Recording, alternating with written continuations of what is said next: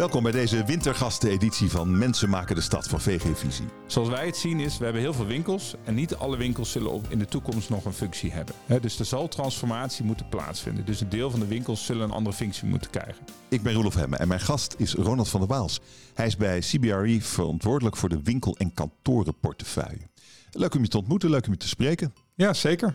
Ehm, maar ik dacht aan de voorbereiding op dit gesprek, beleggen in retail. Er zijn steeds minder winkels, 15% minder dan in 2010 geloof ik op dit moment. Eh, toen kwam corona er nog overheen. Ja. We gaan online eh, winkelen, omzet online groeide met 50%. Dan ben je ook nog verantwoordelijk voor kantoren en we gaan thuiswerken. Ja. Toen dacht ja. ik, ik ben niet jaloers op die jongen. Nou ja, dat zou je eigenlijk wel moeten zijn, denk ik. Eh, omdat het natuurlijk mega interessant is, juist om iets in actief te zijn waar het niet vanzelf gaat. Eh, iets wat vanzelf gaat, dat kunnen heel veel mensen. Maar kan je ook als het echt moeilijk wordt en het echt spannend wordt. En wat maakt jou dan geschikt voor deze baan? Wat kan jij, als het echt spannend wordt, verbeteren? Nou, ik denk dat het heel belangrijk is dat je bepaalde rust houdt en het overzicht houdt. En ik denk dat ik dat goed eh, kan. Dus er gebeuren heel veel dingen die je net heel snel samenvat. Maar uiteindelijk moet je ook kijken, wat zijn de grote lijnen? En de grote lijnen zijn niet dat niemand meer naar een winkel gaat of niemand meer naar een kantoor gaat. Maar, wat is wel de grote lijn? De grote lijn is dat er heel veel verandering is. Eh, dat die verandering al gaande was. Dus mensen wilden anders werken. Mensen waren al anders aan het winkelen. Toen kwam COVID. En dat heeft alles eigenlijk versneld. En juist omdat het versneld heeft, is, zou je aan de ene kant zeggen, is het natuurlijk dramatisch als je ziet hè, hoe ondernemers zich moeten redden. Maar voor de vastgoedwereld, en met name de retailwereld, zorgt het wel de versnelling. Dus de retail vastgoedwereld moet transformeren door online. En juist nu door COVID wordt dat heel erg versneld. En de complicatie is dat je dan ook nog eh, geld moet verdienen. Dat is wel eh, de basis wat wij eh, inderdaad moeten, moeten doen. Ja. En er zijn nog een paar dingen belangrijk. Daar gaan we het komende half uurtje over praten. Ik, ik, ik, ik, ik zou je eerst wat persoonlijke vragen willen stellen om je wat beter te leren kennen als je het goed vindt. Zeker. Ik hou je gewoon een aantal vragen voor. Ik verwacht een heel kort antwoord. Daarna kunnen we erover verder praten. Helemaal goed. Hoe oud ben je eigenlijk? 38. Waar ben je opgegroeid? Eindhoven. En wie was je jeugdidool? Een jeugdidool. Ik heb nooit echt jeugdidolen gehad. Dat is een beetje een slappe antwoord. Maar Oh, oké. In welke stad, welk dorp ligt je hart? mijn hart ligt nu in Bergen in Noord-Holland. Eh, carrière of gezin? Gezin. Risico's mijden of risico's nemen? Nemen. Luisteren of spreken? Luisteren. Wie is je grote voorbeeld? Eh, wie is mijn grote voorbeeld? Ehm, lastige, lastige vraag. Ik heb niet iemand bijvoorbeeld in de vastgoedwereld waarvan ik denk, nou dat, dat, dat wil ik zijn, dat wil Noem, ik noem worden. gewoon een naam. Ik kan het zo uitleggen. Eh, ik, zou, eh, ik zou zeggen ehm, Jeff Bezos. Ben je geworden wat je wilde worden? Nee, Is Nederland af? nee, De binnenstad bestaat straks niet meer, ja of nee? nee, Ben je bang voor de toekomst? nee. Tactisch of zeggen waar het op staat? Zeggen waar het op staat. Heb je echte ambitie en een plan om een verschil te maken in de wereld? Ja, Oké. Ehm, 38, opgegroeid in Eindhoven. Jeugdidool geen. Je hart ligt in Bergen. Want daar woon je. daar woon ik. Ja, Ehm, carrière of gezin, dan zeg je meteen gezin. ja, ja. zeker. Wie is je gezin? Ik heb een eh, hele lieve vrouw en een, eh, en een zoontje van zeven jaar. Ehm, risico's mijden of nemen? Nemen meteen. Ja. ja. Als je, als je, Is dat wel zo verstandig? Nou, je moet het op een goede manier doen. Maar als je investeert, en wat dan ook, en wij doen dat in eh, vastgoed, en je bent niet bereid om een risico te nemen, zal je ook nooit rendement maken. Wat is het grootste risico dat je ooit genomen hebt? Ehm, ik denk eh, zakelijk, eh, we zijn eh, op, op de Zuid als WTC Amsterdam Tower 10 aan het maken. Een hele grote uitbreiding van het kantoor. En daar gaat heel veel geld mee gemoeid. Dat doen we helemaal zelf. 100% eigen risico. Dat is een, een grote keuze geweest. En wat is jouw rol daarin? Uiteindelijk zorgen dat die keuze gemaakt kan worden. En dat is zowel het bij elkaar brengen van het plan eh, met het team, maar ook dat plan uiteindelijk overbrengen aan onze investeerders voor wie wij dat doen. eh, en hun goedkeuring daarop halen. Eh, Jeff Bezos, zeg je, is je grote voorbeeld. Waarom? Nou, ik heb wel respect voor mensen, en, en er zijn er meer, maar voor ondernemers die met helemaal niks zijn gestart. En ik denk dat, uh, dat Jeff Bezos daar een voorbeeld is wat hij heeft gemaakt. En je kan iets vinden van de persoon. Maar als je vanuit, letterlijk vanuit je garage met niks begint en je eindigt in één leven met zo'n bedrijf. En je kan ook zeggen, de oprichter van Microsoft of Apple daar heb ik wel echt wel respect voor. Want dan weet je dus waarde te creëren. Dan gaan we het daar nog hebben, over hebben. Dan weet je dus in een hele korte tijd heel veel waarde te creëren. Daar heb ik wel respect voor. En ook vrij snel kwijt te raken als je gaat scheiden. Hij heeft geloof ik Daarom, daarom zei je, kan wat... Ja, maar goed. Er bleef nog genoeg over, uh, denk ik zo. Uh, ja. uh, waarde creëren. Oké, okay, dat is een mooie. Ben je geworden wat je wilde worden? Nou, nee, zeg je dan. Wat wil je dan worden? Nou, ik ben 38. Als ik nu al daar ben. Hè, als ik nu Wat al is vind. je ambitie? Wat wil je worden? Dan later als je groot bent. Oh, ja, dat zeg ik altijd later als ik groot ben. Nou, ik denk dat ik uh, als ik later groot ben en, en terugkijk, uh, dat ik echt impact, daar gaan we het ook nog over hebben, denk ik, heb gemaakt op de gebouwde omgeving. Dat er echt plekken in Nederland zijn waarvan ik oprecht kan zeggen, daar heb ik echt een essentiële bijdrage aan geleverd om dat gebied zo te maken wat het is. En wanneer wist je dat dat je roeping was? In het leven? Nou, dat kwam een beetje gaande, gaandeweg eigenlijk. Wat wil je als 16-jarig ventje worden? 16 jaar, ik heb nog heel lang nagedacht om, uh, om uh, in het leger te gaan. Maar uh, dat vond niet iedereen een goed idee. Dat heb ik uiteindelijk ook niet gedaan. En als ik heel eerlijk ben, als ik mezelf nu een beetje ken, denk ik dat dat ook niet mijn ding was. Ja. Misschien is dit wel de beste keuze. Ja, ja. um, Oké, okay, en die, want je, ik vind het interessant dat je Jeff Bezos als een topondernemer ziet, maar dat je zelf geen ondernemer bent. Nee, ook niet wil worden. En ook niet wil worden. Nee. Uh, nee. Wat vind je zo interessant in die corporate wereld dan? Nou, die, kijk, het knappe aan een ondernemer is, je begint met helemaal niks en je maakt wat. Uh, en daar moet je ook realistisch zijn dat er heel veel ondernemers zijn die beginnen, maar nooit daar komen. Hè? Want wat Jeff Bezos of anderen bereiken, hè? dat is een fractie dit te bereiken. Wat ik het leuk vind aan de corporate wereld is dat je de verantwoordelijkheid, hè, wat wij doen, krijgt over iemand anders kapitaal, pensioenfondsen, verzekeraars. Mm. Wat veel kapitaal is, waardoor je ook echt wat kan doen. Hè? Wij zijn echt op plekken actief uh, in Amsterdam, in de Randstad, waar echt verschil wordt gemaakt. En dat ja, is je leuk. Bent geen krabbelaar natuurlijk. Dat is echt nee, wel, het is niet in de marge. Grote, grote ja. zaken. Het zijn grote zaken. Hmm. Ja. Uh, Nederland is nog lang niet af, zeg je? Nee. En Nederland is nooit af. Uh, waarom oh. niet? Omdat altijd alles moet in ontwikkeling blijven. De, de stilstand is sowieso achteruitgang. Het is een beetje een inkopper. Wat moet er nog gebeuren in Nederland dan? Wat moet er nog in gebeuren in Nederland? Ik denk dat we nog zelf vind ik nog meer focus moeten hebben op de, op de steden, de verdere stedenontwikkeling. We hebben heel veel maatschappelijke uitdagingen. Hè. Kijk bijvoorbeeld naar uh, huizen, de huizenmarkt. Um, daar kunnen we natuurlijk nog veel meer bereiken. Het goed faciliteren van, uh, van bedrijven. Uh, het goed faciliteren van onze ondernemers. En daar is altijd weer werk aan de winkel. En de binnenstad zal nooit verdwijnen, denk je? Nee. Nee, dat is de hart, een letterlijk en figuurlijk het kloppend hart van de stad. Het is misschien alleen nog maar belangrijker. Vinden wij wel, ja. ja wij denken dat zeker ja. dat dat uh, de kern, uh, de kern van de kern wordt alleen maar belangrijker. Um, jij bent niet bang voor de toekomst, ondanks een uh, klimaatcrisis in aankomst. Ja. Nou, als je bang bent voor de toekomst, dan, hè, dan verkramp je sowieso en dan kom je nooit verder. Ik maak me wel eens af en toe zorgen over de toekomst. Waarover het meest? Nou, over klimaat. Je hebt een kind. Ja. Nou, ik zat pas te denken, heel kort. Ik ben 38. Dat is mijn zoon over, uh, die is 7. Dus die is over 31 jaar. Dan zijn we in 2052. Dan moeten we alle klimaatdoelen hebben gehaald. En we zijn nog heel hard op weg om dat niet te halen. Dus in wat voor wereld leeft hij als, als hij net zo oud is als ik nu? Ik vind dat, uh, ik vind dat erg. Ja, ik ook. Ik vind het erg dat iedereen het ziet dat volgens mij heel veel mensen ermee vooruit willen. Dat er ook vooruitgang is. Hè. Laten we dit niet een heel pessimistisch gesprek worden. Ik denk de afgelopen vijf jaar is er al meer gebeurd dan de afgelopen twintig jaar daarvoor. Maar het moet gewoon sneller. Ja, en ik hou van jouw optimisme. Dat is ja. mooi. Het, uh, maar als je uh, dat niet meer hebt, wat laat ons dat dan? Als je de hoop opgeeft. Exact. Um, tactisch of zeggen waar het op staat. Zeggen waar het op staat. Tuurlijk, ja. Ik ja, draai er niet omheen. Dat is misschien niet altijd even handig in nee, zeker niet. Dat kan ook niet. Nee, nee. Ga je daar wel eens mee op je snuitje? Nou, kijk, je kan zeggen waar het op staat, maar het gaat erom hoe je dat doet. En dus je kan heel oh, ja. duidelijk zijn over wat je vindt en waarvoor je staat. Dit is tactisch.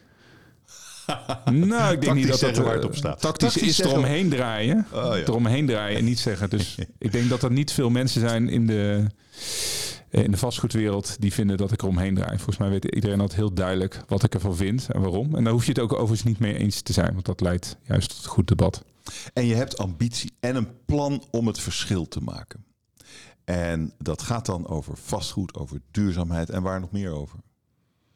Nou, dat is in, de werk wel, uh, in mijn werk wel de kern. Hè? Dus vastgoed duurzaamheid. Maar duurzaamheid is wel meer dan alleen een groen gebouw. Ik denk dat duurzaamheid in brede zin ook steeds meer gaat aan een duurzame maatschappij. En daar bedoel ik mee dat iedereen daar ook in mee kan doen in die maatschappij. Um, heb je nog na kunnen denken over je jeugdidool of was hij echt afwezig? Nou, laten we daar op het eind op terugkomen. Dan probeer ik er nog even over na te denken.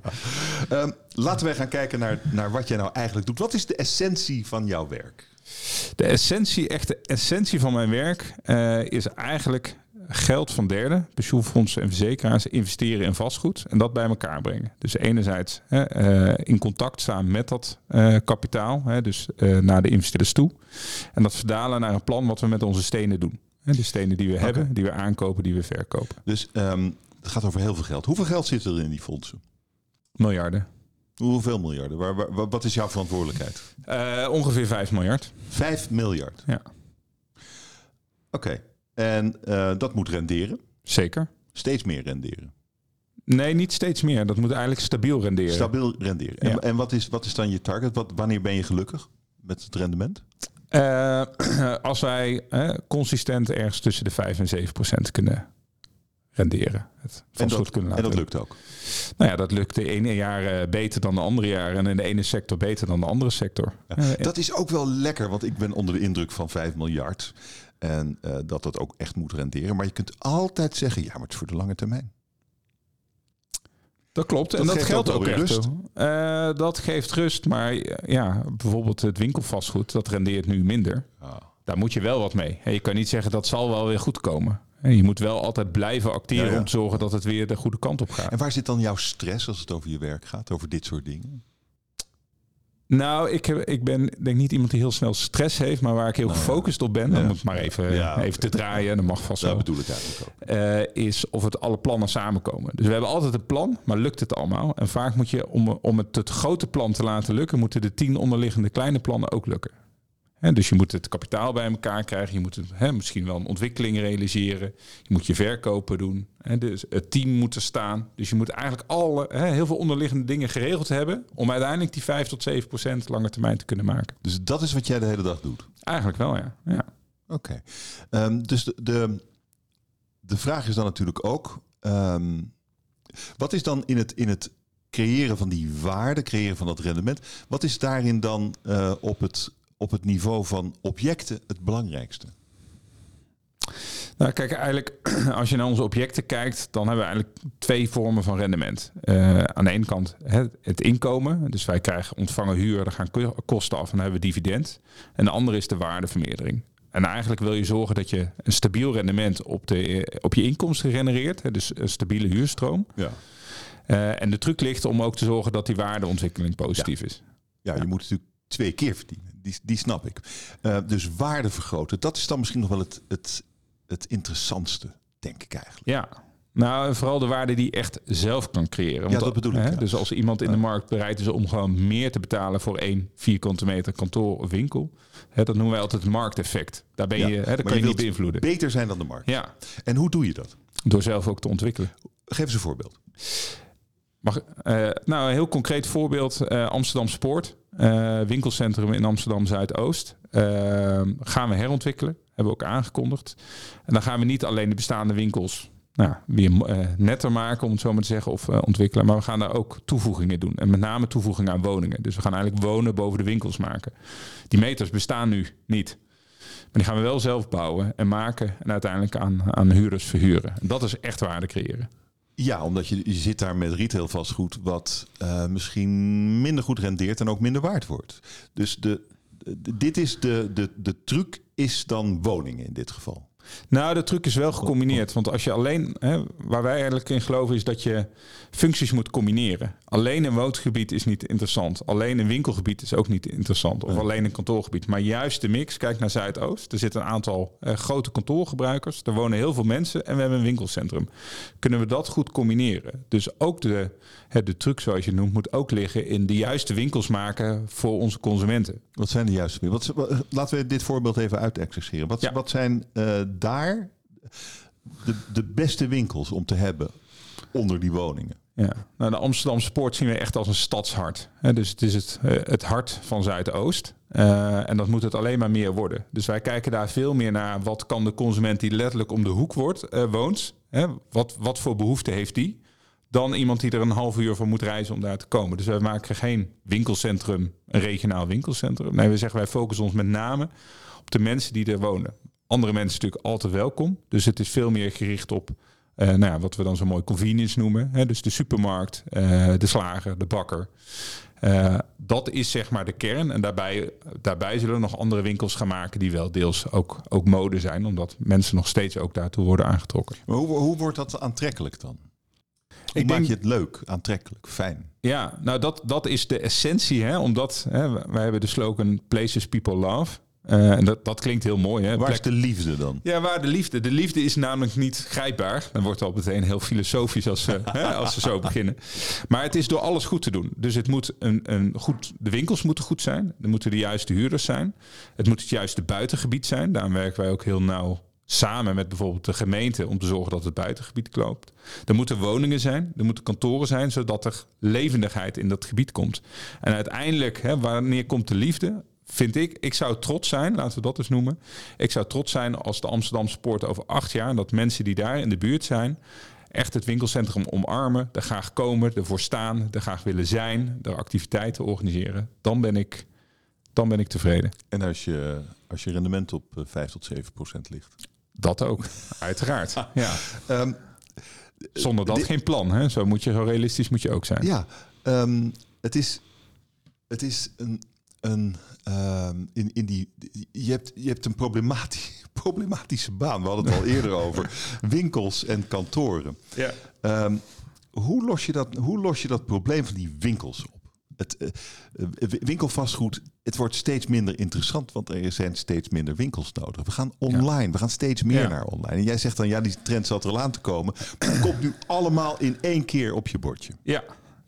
Nee, dat is... het Is dan, de- is dan het geheim om er woningen van te maken? Nou, in deels. sport deel- blijkbaar. Ja, er is natuurlijk nooit één oplossing. Kijk, ik denk dat de hoofdzaak is dat het online winkelen gaat niet meer weg. Ik denk dat dat ook wel aan verandering weer onderhevig wordt. Want we bestellen heel veel online, maar we sturen ook heel veel terug. Dat is op een gegeven moment ook niet meer houdbaar. Hè? Nee, maar, maar jij, jij, gaat, jij gaat daar supermarkten maken... terwijl eh, eh, gorilla's om de hoek zitten om het binnen drie minuten bij je te bezorgen. Ja, maar dat, dat nou ja, Corilla's businessmodel, dat gaat nog wel een vlucht krijgen. Maar dat gaat nooit natuurlijk 100% van de winkelbehoefte vervangen. Dus zoals wij het zien is, we hebben heel veel winkels. En niet alle winkels zullen op, op, eh, in de toekomst nog een functie hebben. Dus er zal transformatie moeten plaatsvinden. Dus een deel van de winkels zullen een andere functie moeten krijgen. En dan zeg ik altijd, dat is horizontaal en verticaal. Deels als je kijkt naar het gebied, dan wordt het gebied kleiner. Dus sommige winkelbieden zijn te groot, dus wij vinden de randen kwetsbaar. Maar wij, wij denken dat, wat ik noemde, de kern van de kern, dat dat sterk blijft. En je hebt verticaal, dus je hebt, hè, kijk naar de daar had je heel veel verdiepingen. Nou, dat is heel lastig. Dus juist boven die verdiepingen, hè, misschien de begane grond en de plus 1, kan je nog retail maken. Daarboven moet je naar een andere functie toe. Dat kan wonen zijn, dat kan kantoor zijn, dat kan onderwijs zijn, dat kan zorg zijn. Dus er zijn echt wel opties. En dat is... ehm, dat is misschien wel de essentie om het nu te kunnen blijven doen. Je moet blijven kijken naar wat zijn mijn echte opties. En niet blijven vasthouden van wat het was, maar wat het wordt. En daarop daar risico durven te nemen. Maar, maar wij hebben natuurlijk het bodemniveau eh, nog niet bereikt in de retail. Maar ik denk dat we ook niet heel Denk je? ver vanaf zijn. Nee? Nee. En dat komt omdat denk ik heel veel huren eh, toch gestabiliseerd zijn, ook door COVID. En er zijn heel veel gesprekken tussen verhuurders en huurders, winkelhuurders geweest over wat is nou een betaalbaar huurniveau.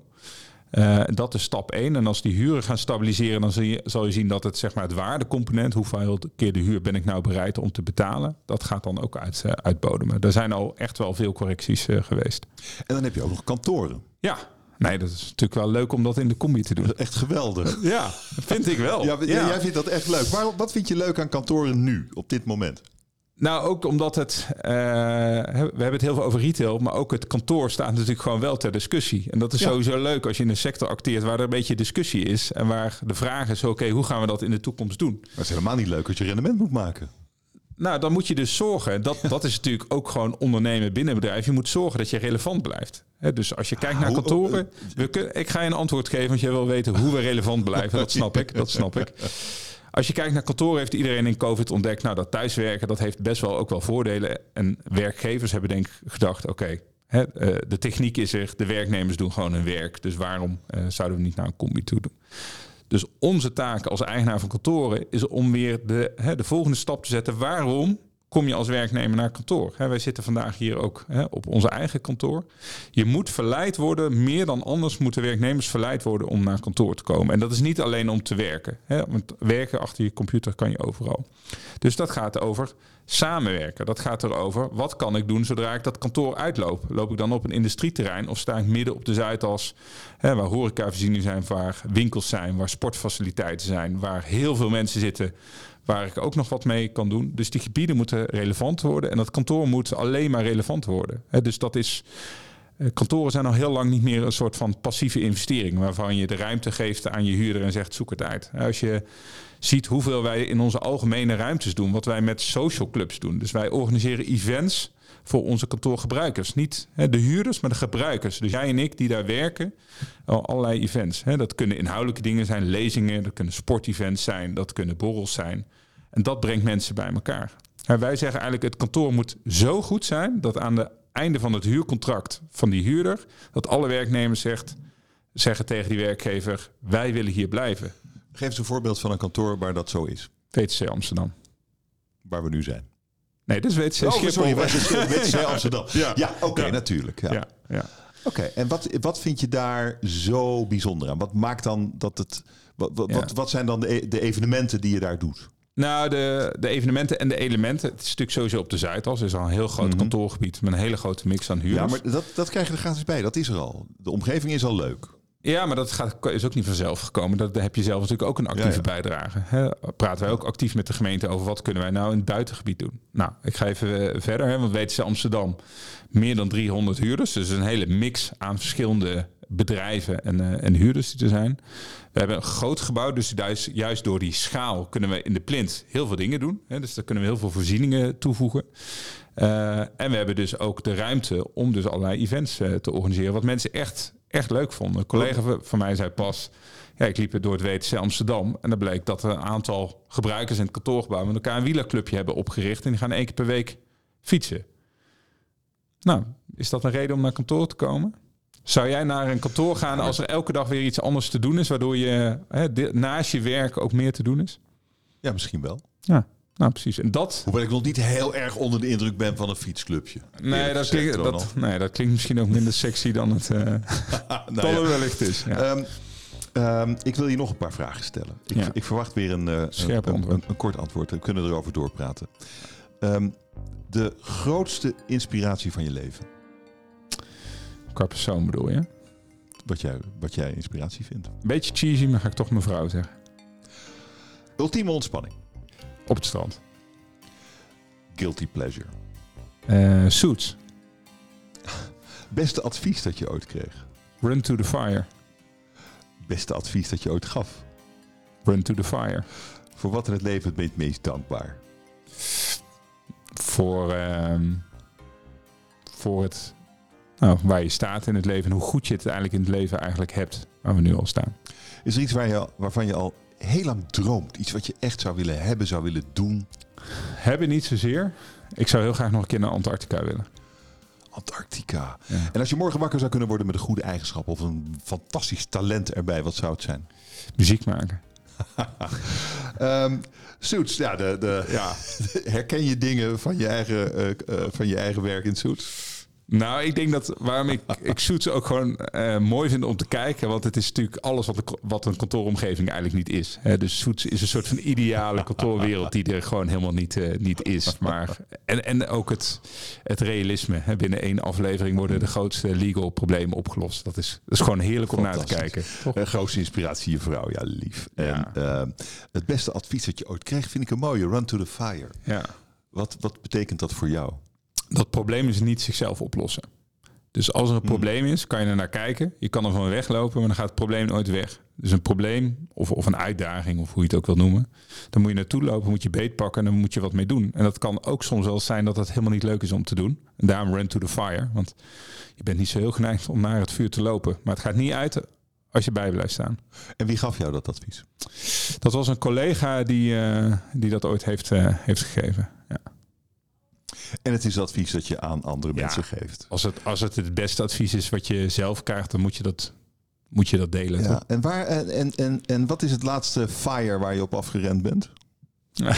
Nou, de, elke dag? Ja, nou ja, nou ja, met, jou, met ja. jouw portefeuille, ja. Ja, nee, er zijn natuurlijk gewoon wel eh, realistisch gezien heb je gewoon heel veel uitdagingen nu in zo'n portefeuille. We hebben heel veel gebouwen, we hebben heel veel huurders, dus er is altijd wel wat wat niet goed gaat. En, en dat is niet één specifiek ding, maar er, ja, een deel van mijn werk is natuurlijk ook het, probleem, het oplossen van, ik wil niet zeggen van problemen, maar dingen die niet, van, die niet automatisch goed komen. Ja. En dan wil je naar Antarctica. Ja, slecht voor de carbon footprint, zat ik wel te denken natuurlijk, hè, als je de duurzaamheid voorstaat.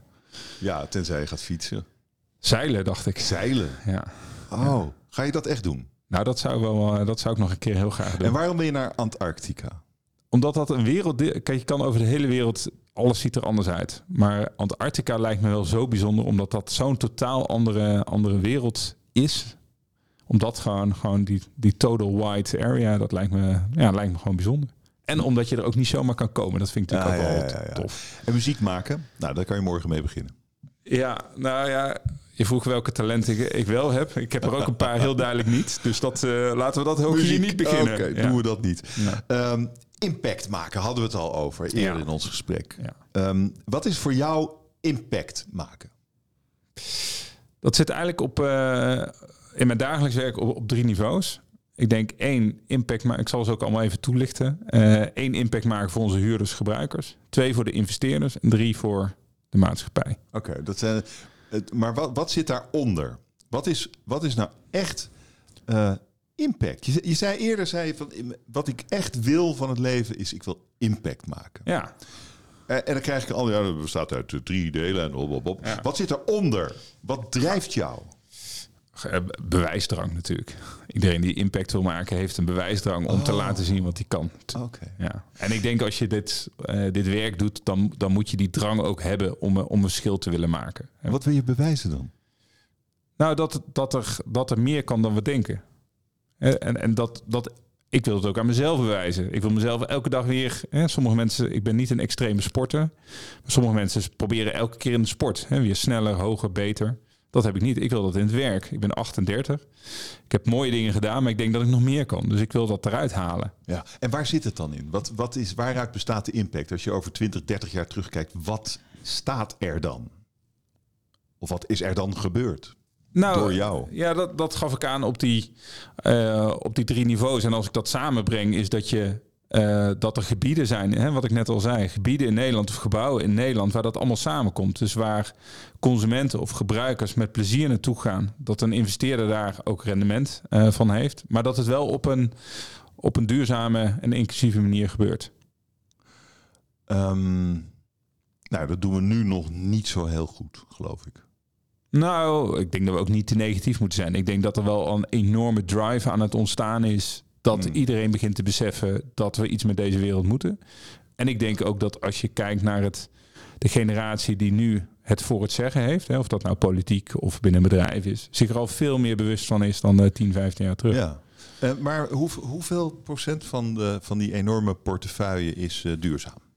Ja, dat ligt natuurlijk heel erg aan de meetlat die je trekt. Ik denk dat wij wel ver boven het daar zitten. Als je naar de kantorenportefeuille kijkt, is al meer dan 90% heeft een energielabel A. Dat, dat is een maatstaf, denk niet alleszeggend.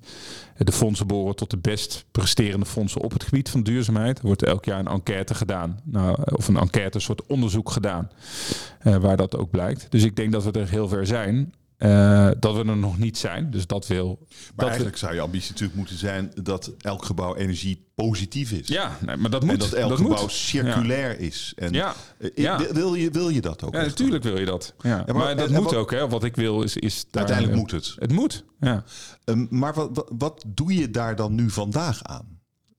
Nou, ik denk dat elk gebouw wat je nu hè, in je portefeuille hebt iets mee gaat doen, dus aanpakt, moet al moet die lat hebben. Dus elk gebouw wat je nu gaat, eh, gaat, gaat herontwikkelen, moet wat wij dan zo noemen Paris-proof zijn. Dus dat moet aan de regels van het klimaatakkoord van doen. Want, Want gebouwen staan er 30, 40 jaar. Ja. Dus als je ze beetpakt, hè, dus als je herontwikkelt, dat doe je niet elke 10 jaar. Want dan, dan komt het rendement er zeker niet meer uit. Dus alles wat we nu beetpakken, bijvoorbeeld een Amsterdam Sport, moet gewoon tegen de lat van Paris Proof worden gelegd. En wat betekent dat dan daar gewoon in, in, de, in de ruimtes, in het object? Wat doe je daar dan?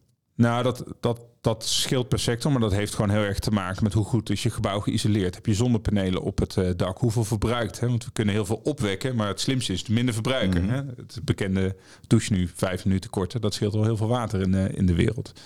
En ja, daar tegen die meetlat moet je nu aanleggen. Maar breng je het echt terug naar, ehm, naar nul uitstoot in 2050? Wij hebben met het fonds gezegd dat wij in 2035 klimaatneutraal eh, willen zijn. En dat wil zeggen dat we het of niet uitstoten, eh, of het duurzaam opwekken. En dat is eh 15 jaar. Dat is 15 jaar. Ja. Kan dat? Ehm, dat is heel uitdagend, maar je kan het ook omdraaien. Als je niet een keer die lat ergens ligt, kom je er sowieso niet. Maar 15 jaar is ook wel, weet je, dat je over 10 jaar zegt, oeh, nee, we halen het toch niet. Ja, maar is dat En een 15 optie? jaar, eh, Ja, Maar eigenlijk dat is een beetje de houding van nu Maar- misschien wel. Ja, misschien wel. Ja. Maar dat is waar je eerder ook van zei, van het Ja. is verschrikkelijk dat we, dat we doelen Ja. moeten halen en we halen ze niet. ja. Ehm, heb je niet een doel voor volgend jaar? Die, ja, een doel voor volgend jaar heb je, hebben wij ook. 15 hè? jaar is ver weg, is makkelijk. Ja, nee, maar we hebben sowieso we hebben een doel 2035, vijfjaarsdoelen, éénjaarsdoelen. Dus we weten heel erg goed welke kant we op moeten gaan. En we hebben zo mooie Paris-proof roadmaps. Hè. Dus dan zeggen, nou, wat moet je allemaal de komende 15 jaar dan doen? Dat is best veel. Maar dat is niet het enige. Want als wij het als enige doen, dan zijn we nog steeds nou, eh, een klein stukje van het alles. Dus wat je eigenlijk ook, ook moet, en dat, daar zie ik heel veel positieve signalen, is elkaar inspireren en elkaar verder helpen. Dus het is altijd goed om een concurrentievoordeel te hebben. Maar dit is een onderwerp waar je samen mee moet. Wat je als maatschappij bijna moet oppakken. Dus dat betekent ook dat er, en dat zie je ook gebeuren, dat er heel veel kennis wordt gedeeld op techniek, over hoe je er naar kijkt, over wat je kan doen. En ik, ja, ik, ik ben nog steeds optimistisch, want ik denk als je het optimisme laat gaan, dan ga je het sowieso niet halen. Maar ik zie ook, en als ik ook hè, onder eigen collega's kijk, de jongere generatie die willen nog harder dan dat ik dat al wil. Dus er is een drive en ik geloof erin, en dat geloof blijf ik houden, dat er nu zoveel push komt dat we het gaan halen. Mm. Maar ik denk dat we wel langs de afgrond, eh, over, en langs het randje manoeuvreren. En je zei ook, inclusief moet het zijn. Wat bedoel je precies met inclusief? Dat er een plek is voor, voor, voor iedereen binnen onze gebouwde omgeving. Hè, Dus dat het niet alleen voor een selecte groep is. En om daar een voorbeeld van te geven, is dat als je kijkt naar die woning op de Amsterdam Spoort, daar hebben we ook bewust van gezegd, we gaan middenhuurwoningen maken. Waarom? Er zijn al heel veel sociaal, eh, sociale huurwoningen. We zien heel veel mensen die er juist willen doorstromen. Dus middenhuur is iets, betaalbare huurwoningen, wat we dan graag willen toevoegen. Eh, En die investeerders en die pensioenfondsen en, en, en al die mensen die hun geld aan jou geven, Ja. eh, vinden die dat allemaal ook? Nou, pensioenfondsen Nou, ik heb misschien wel. niet- maar het, ja, is ook heb- een beetje, het is ook een beetje, ja, Ja, eh, meneer niet, wil duurzaam en inclusief. Nee, we moeten rendement maken, meneer. Ja. Nou, ik denk. Ik heb natuurlijk niet elke pensioendeelnemer dat gevraagd. Dat gaat niet. Maar wat wel interessant is om te beseffen, hè, want het wordt vaak gesproken over het grote geld. Maar het grote geld zijn ook jij en ik. Want jij hebt waarschijnlijk een verzekering waarvan wij het geld investeren. Heel veel mensen hebben een pensioen dat wij weer investeren. Dus er wonen heel veel mensen in Amsterdam Zuidoost die pensioen opbouwen, verzekeringen hebben. Zou het dan ook niet terecht zijn dat dat geld ook weer een beetje terugvloeit? En sowieso pensioenfondsen en verzekeraars zijn zich ook bewust Ja. van de opgave die er is. Ja, ja. Mag dat geen rendement kosten? Of hè, eh, is dat ook oké als we dan even 30 jaar geen rendement maken? Nee. Nee. Is dat erg? Nee, denk ook niet. Want juist als je met die twee variabelen, dus financieel rendement maken en maatschappelijk rendement maakt, hand in hand gaat, dat maakt je alleen maar creatiever. Het is heel makkelijk om te zeggen, nou, we stoppen gewoon heel veel geld in een gebouw zonder rendement te maken. Maar kan het allebei? Dat is natuurlijk veel interessanter. Ja, oké. Of, of kan het een beetje minder rendement zijn eh, financieel en een beetje meer maatschappelijk, zoiets? Nou, die, die, die discussie ontstaat steeds Ja. meer. Hè? Ja. Dat, eh, en uiteraard, als je, je moet slim investeren. En met slim investeren kan je en rendement maken en ook iets doet aan die duurzaamheid. Daarbij komt ook nog dat als je nu niet aanpast aan hè, een duurzaam gebouw, dan komt er vanzelf een moment dat, dat je het gebouw niet meer mag verhuren. Hè? Kijk naar kantoren. Geen energielabel C in 2023 is niet meer verhuren. Dus niet investeren in duurzaamheid is alleen maar meer risico. Al die impact die jij wilt, uh, wilt maken, waar we het uh, nu, nu over gehad hebben. Um, nou, dat kan natuurlijk op deze positie. Maar misschien zijn er posities waarop het nog beter kan. Waar, waar, waar, waar droom je van? Carrière, uh, als je over je carrière en over de impact die je wilt maken nadenkt. Op welke plek zou je dan het meest effectief zijn? Wat denk je voor de toekomst? Ja, ik denk dat ik zelf het meest effectief ben als ik toch dicht bij de stenen blijf. En dus ik ben niet, denk ik, uiteindelijk een typische bestuurder die probeert zo groot mogelijke, zoals dat ze mooi heet, span of control hebben. Uh, ik ben op mijn best als ik gewoon ook echt met gebouwen bezig ben. Uh, dus je kan zeggen, nou, hoe groter je portefeuille, hoe meer impact. Ik wil het eigenlijk omdraaien, juist door de fondsen waarmee ik werk en hoe dicht ik bij die gebouwen sta, kan ik veel meer voorbeelden creëren die hopelijk anderen weer inspireren. Ik vond het een mooi gesprek. Dankjewel daarvoor. Graag gedaan. Dankjewel.